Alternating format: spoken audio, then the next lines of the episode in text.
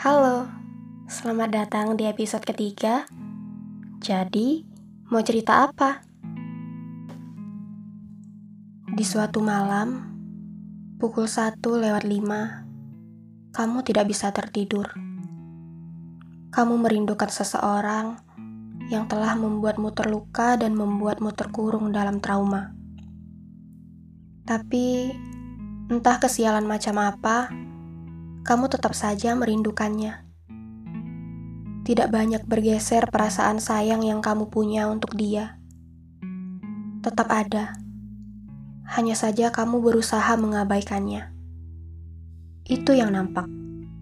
Namun di kenyataan, kau menyimpan rasa itu. Rapat-rapat. Tak diketahui oleh orang banyak.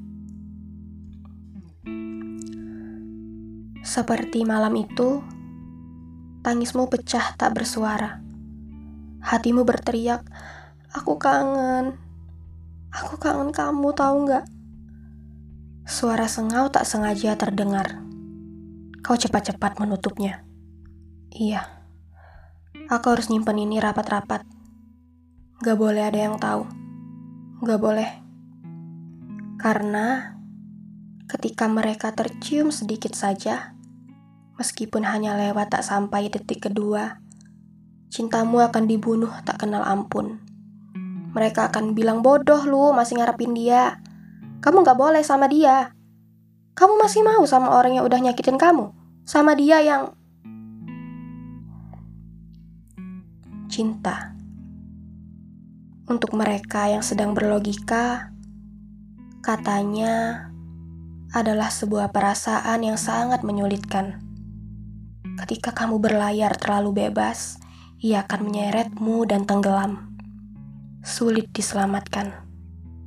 Begitulah yang mereka katakan.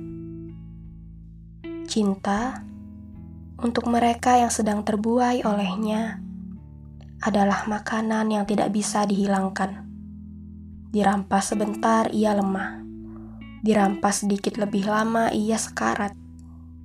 Dirampas selamanya, ia akan mati. Malam itu, kau menarik nafasmu dalam-dalam, berusaha menenangkan diri. Berucaplah kalimat-kalimat yang menenangkanmu lagi.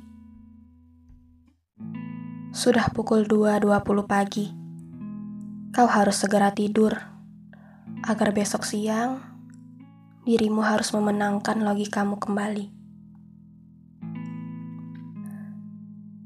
Gak ada cinta yang gak baik.